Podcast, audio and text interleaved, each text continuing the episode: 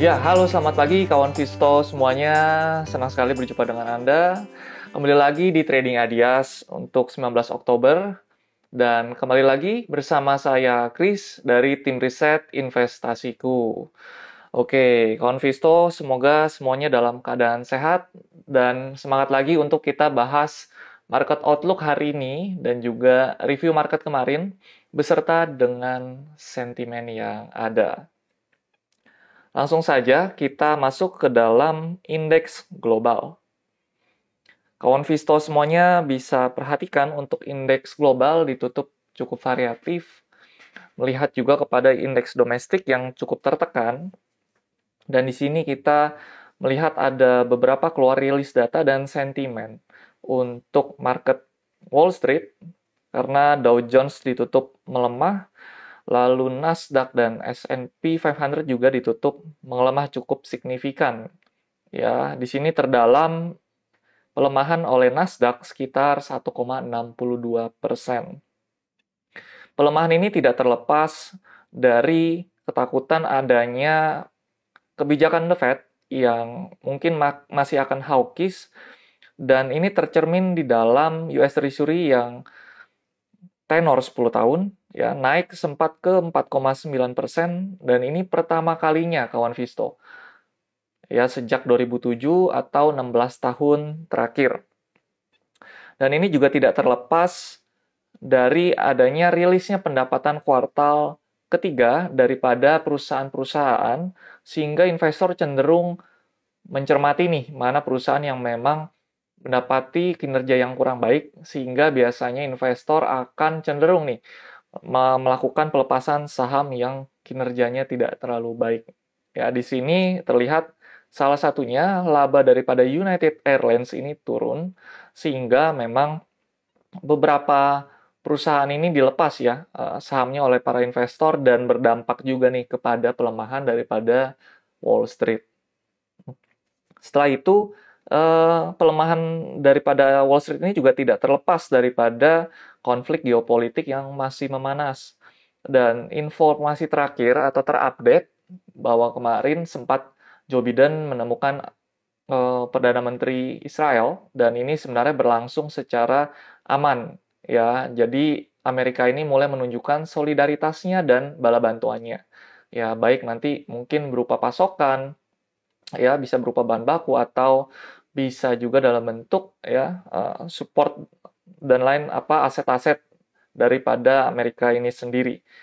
Lalu kita juga melihat ya untuk gubernur The Fed Christopher Waller di sini uh, beliau tetap menunggu perkembangan data yang ada dalam nanti menaikkan suku bunga yang ada di bank sentral, sehingga ketidakpastian dari kebijakan moneter ini masih menghantui beberapa bursa global yang ada di dunia. Itu dari Wall Street. Lalu kita juga kemarin sempat melihat rilis data inflasi daripada uh, Inggris, di mana inflasi untuk bulan September dari year on year-nya itu naik ya 6,7 persen, di mana angka ini sama dengan angka previous atau sebelumnya, dan lebih besar daripada konsensus, di mana ini disumbang lebih ya oleh kenaikan biaya dari kendaraan bermotor.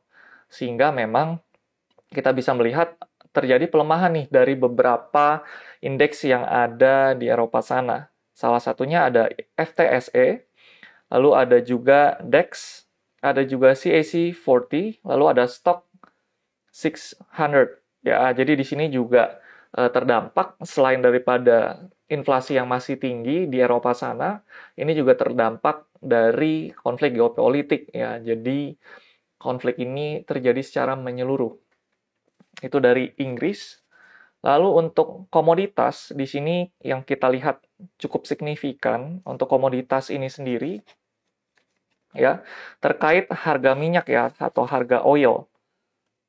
Nah, kalau kita melihat di sini untuk UK Oil, ya di sini kita melihat untuk brand ya ditutup 91,5 ya US dollar per uh, dan di sini kenaikannya sekitar 1,78 persen. Dan juga kalau Anda perhatikan US Oil, di sini juga mengalami kenaikan sebesar 1,92 persen.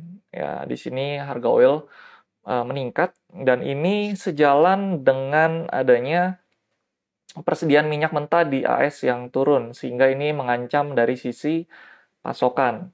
Ya, turunnya juga cukup signifikan sebesar 4,4 juta barrel.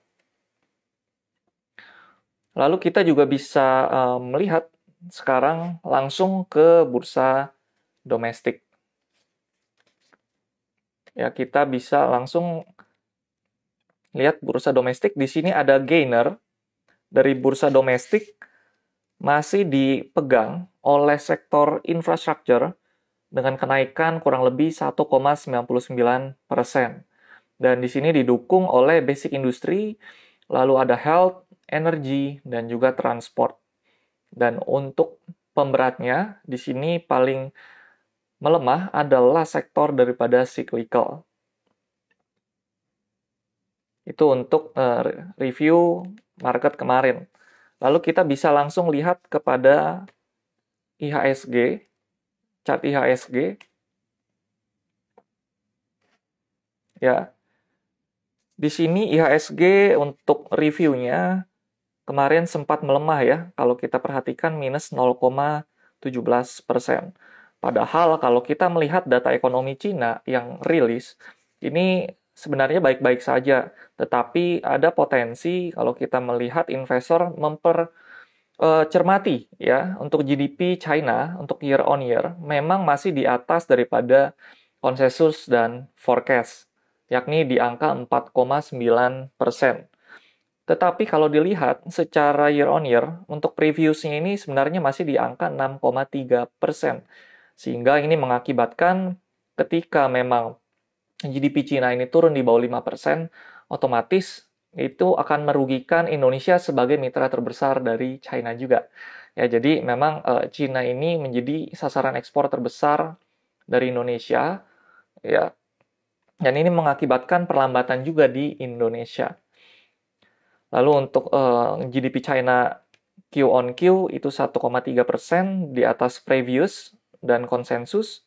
Dan retail sales ini juga meningkat cukup signifikan, cukup oke, okay, yaitu sekitar 5,5 persen. Beserta tingkat uh, unemployment rate di sini sekitar 5 persen atau menurun dari 5,2 persen.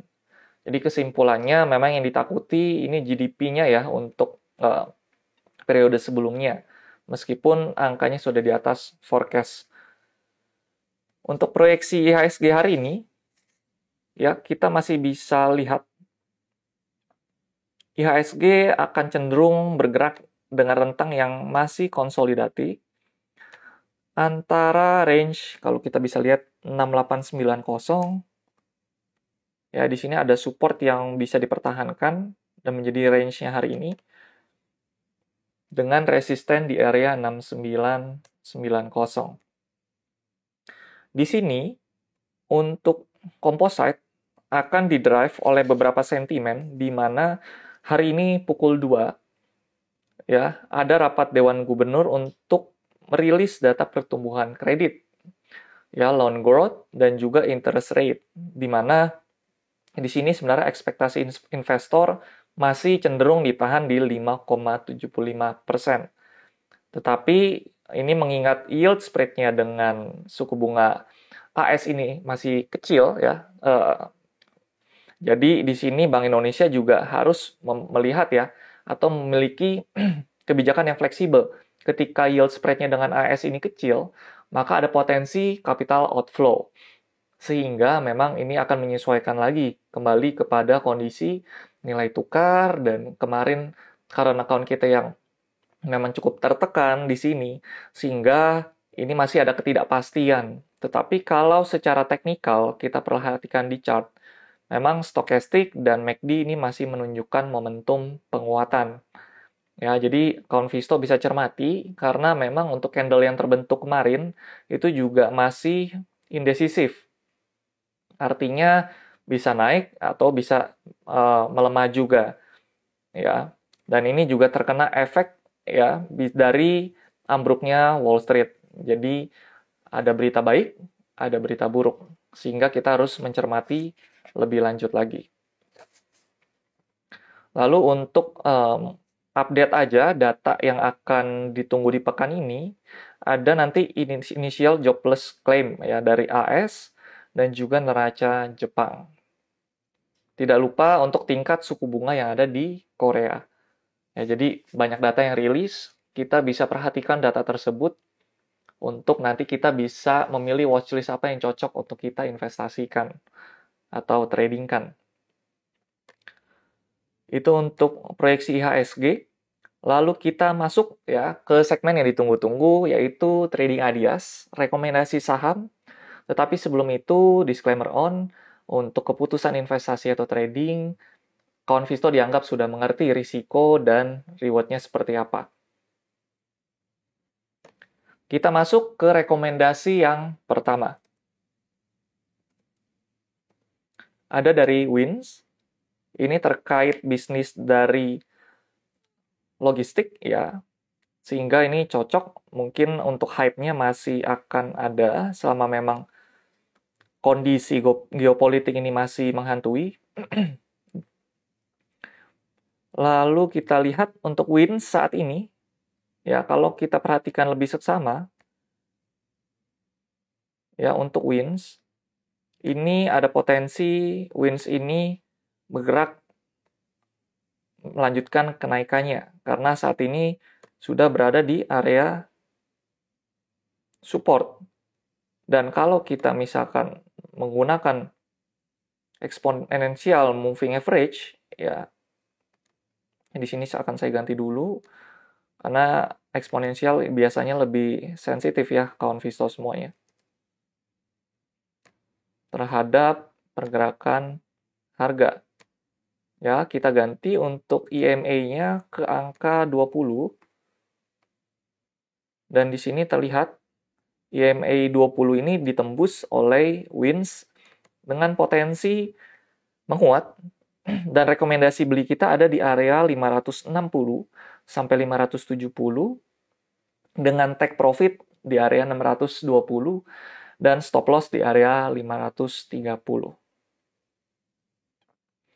Untuk rekomendasi kedua, kita ada dari Medco, di mana Medco ini masih bisa ditradingkan dengan sentimen daripada penguatan minyak. Kami merekomendasikan beli Medco dengan rentang area 1560 sampai 1570 dengan take profit di area 1660 dan stop loss di area 1430. Itu untuk yang kedua. Lalu rekomendasi ketiga ada dari Harum di mana Harum kalau kita lihat baru-baru ini dia menyuntikan dananya ya ke proyek nikel Wedabai sebesar 4,72 triliun sehingga ini menjadi sentimen positif dan terlihat pada price action saat ini. Harum sedang bergerak konsolidasi dan ada potensi dia untuk breakout dari konsolidasi tersebut. Ya, kalau kawan Visto perhatikan, di sini akan ada potensi dia breakout. Mungkin hari ini didukung dengan sentimen yang ada sehingga kita merekomendasikan beli dengan reason ada pembentukan bullish engulfing dengan entry level di area 1715 sampai dengan 1725 kemudian take profit di area 1850 dan stop loss di area 1630 itu untuk Harum. Kita beralih ke Antam, di mana harga gold juga meningkat seiring dengan indeks DXY yang naik atau indeks USD. Di sini kita juga melihat untuk Antam menembus EMA 20 sehingga ada potensi untuk penguatan lanjutan dengan stokastik yang masih menunjukkan momentum penguatan. Kami merekomendasikan beli Antam dengan entry level di 1830 sampai 1840 dan take profit di area 1970 kemudian stop loss di area 1750. Itu untuk Antam. Kita beralih ke sektor kesehatan yang menjadi gainer juga kemarin. Ada dari Hermina. Di sini laba untuk Hermina ini naik ya, sekitar 42,07% di kuartal 3 2023. Sehingga ini bisa menjadi katalis yang positif bagi kenaikan harga sahamnya. Kalau kita perhatikan, saya menggunakan Bollinger Band sebagai reason ketika memang dia terjadi adanya pelebaran daripada Bollinger Band ini bagian upper atau lowernya ketika dia breakout biasanya di situ ada volatilitas yang tinggi sehingga ada penguatan lanjutan untuk potensinya. Sehingga kami merekomendasikan beli untuk Hill dengan entry level di area 1365 sampai dengan 1375 dengan take profit di area 1470 dan stop loss di area 1290. Oke, itu rekomendasi kita yang terakhir untuk 5 bisa kita pantau tentunya dengan money management masing-masing, kawan Visto semua bisa entry dengan risk yang terukur. Oke, lalu kita masuk ke segmen yang ditunggu-tunggu pastinya oleh kawan Visto, yaitu untuk question and answer ya, tanya jawab. Jadi untuk pertanyaan, kawan Visto semuanya bisa tulis di kolom chat, ya nanti akan saya bantu untuk analisakan. Yang pertama, pertanyaan datang dari saham Mari.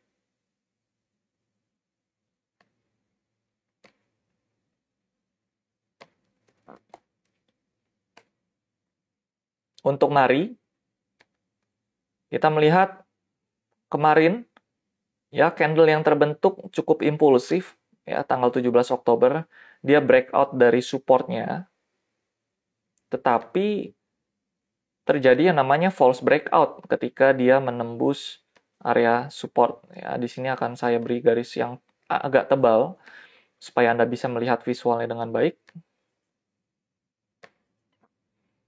Ya, di garis biru ini, kawan Visto semuanya dapat lihat di sini ketika dia breakout ke bawah dengan volume yang cukup tinggi dan kemarin dia false breakout. Sehingga untuk saat ini kami belum melihat ada entry point menarik. Ya, karena kemarin sempat di arah sehingga ini untuk uh, risk dan rewardnya agak kurang ideal ya kalau kita entry sekarang. Ada baiknya kita tunggu di area support di area 84 sampai 85 untuk sekarang memang sudah berada di area resisten dan kita masih wait and see dulu untuk mari.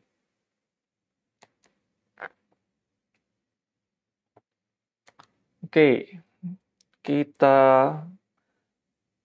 ke pertanyaan kedua dari saham Oasa. Oasa secara visual ini untuk short termnya memang masih bergerak sideways ya. Untuk medium termnya ini masih bergerak cenderung uh, bearish ya. Kita bisa lihat secara visual. Dan untuk pergerakan OASA hari ini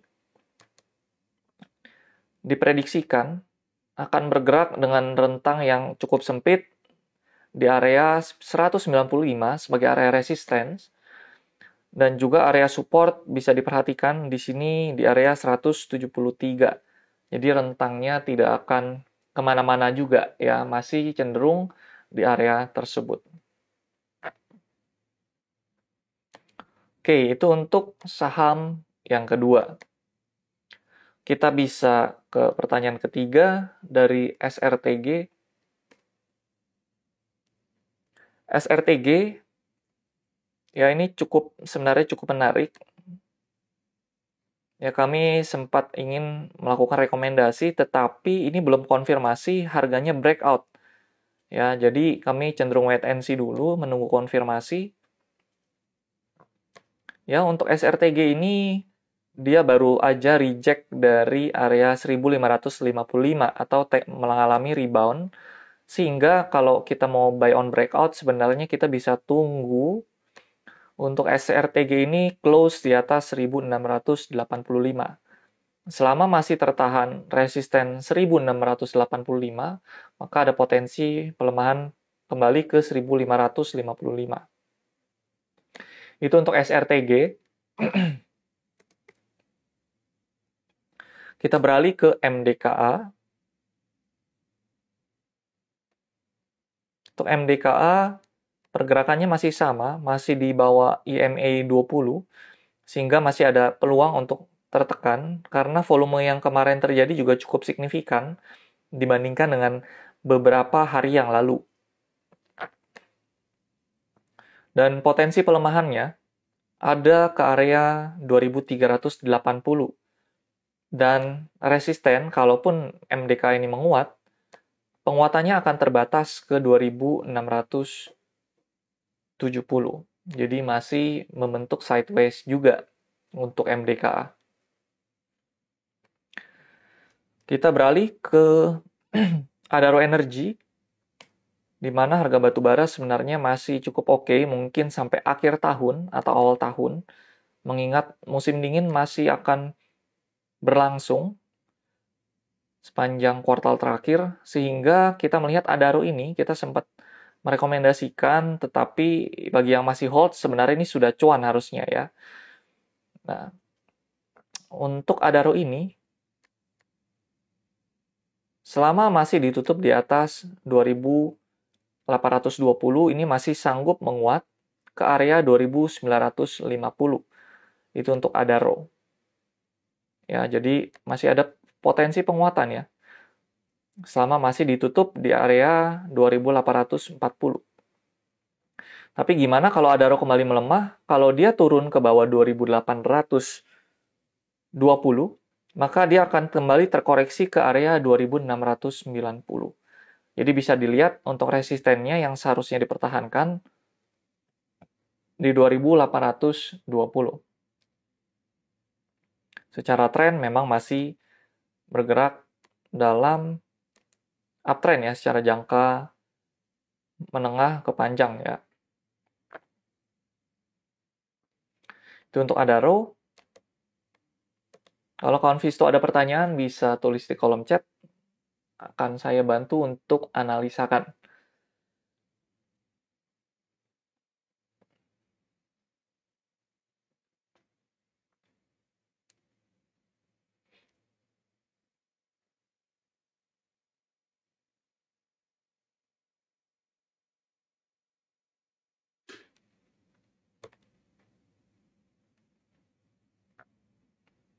akan ada saham lagi.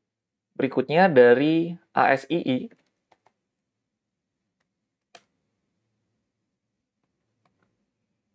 Untuk ASI ini cukup menarik karena memang mungkin ini dikasih diskon yang cukup besar ya. Tetapi dari sudut pandang analisis teknikal ini masih ada potensi untuk kembali melemah. Ya, jadi setiap saham pasti punya rotasi sektornya masing-masing. Memang pelemahannya agak agak cukup dalam. Ya, ketika ASI ini mampu bertahan di atas 5.825, maka sebenarnya ASI ini ada potensi penguatan ke 6.075. Tetapi kalau 5.825 ini ditembus, maka target pelemahan dari ASI ini berpotensi ke area 5.550 itu area pelemahan dari ASI. Ya, secara jangka pendeknya atau e, menengah ini masih di dalam downtrendnya. Tetapi kalau kita melihat secara mungkin time frame lebih besar weekly, sebenarnya kalau kita nggak tarik menggunakan trend line, ya ini masih berada di dalam uptrendnya. Ya jadi uh, secara mungkin jangka panjang ini masih uptrend, tetapi untuk mediumnya dia masih bergerak bearish. Oke, itu untuk ASI. Mungkin saham ASI menjadi saham penutup ya di trading ideas kita hari ini. Terima kasih semuanya kawan Visto atas kehadirannya dan saya Chris dari tim riset investasiku pamit undur diri. Sampai jumpa di Trading Adias selanjutnya. Investasiku for the better tomorrow.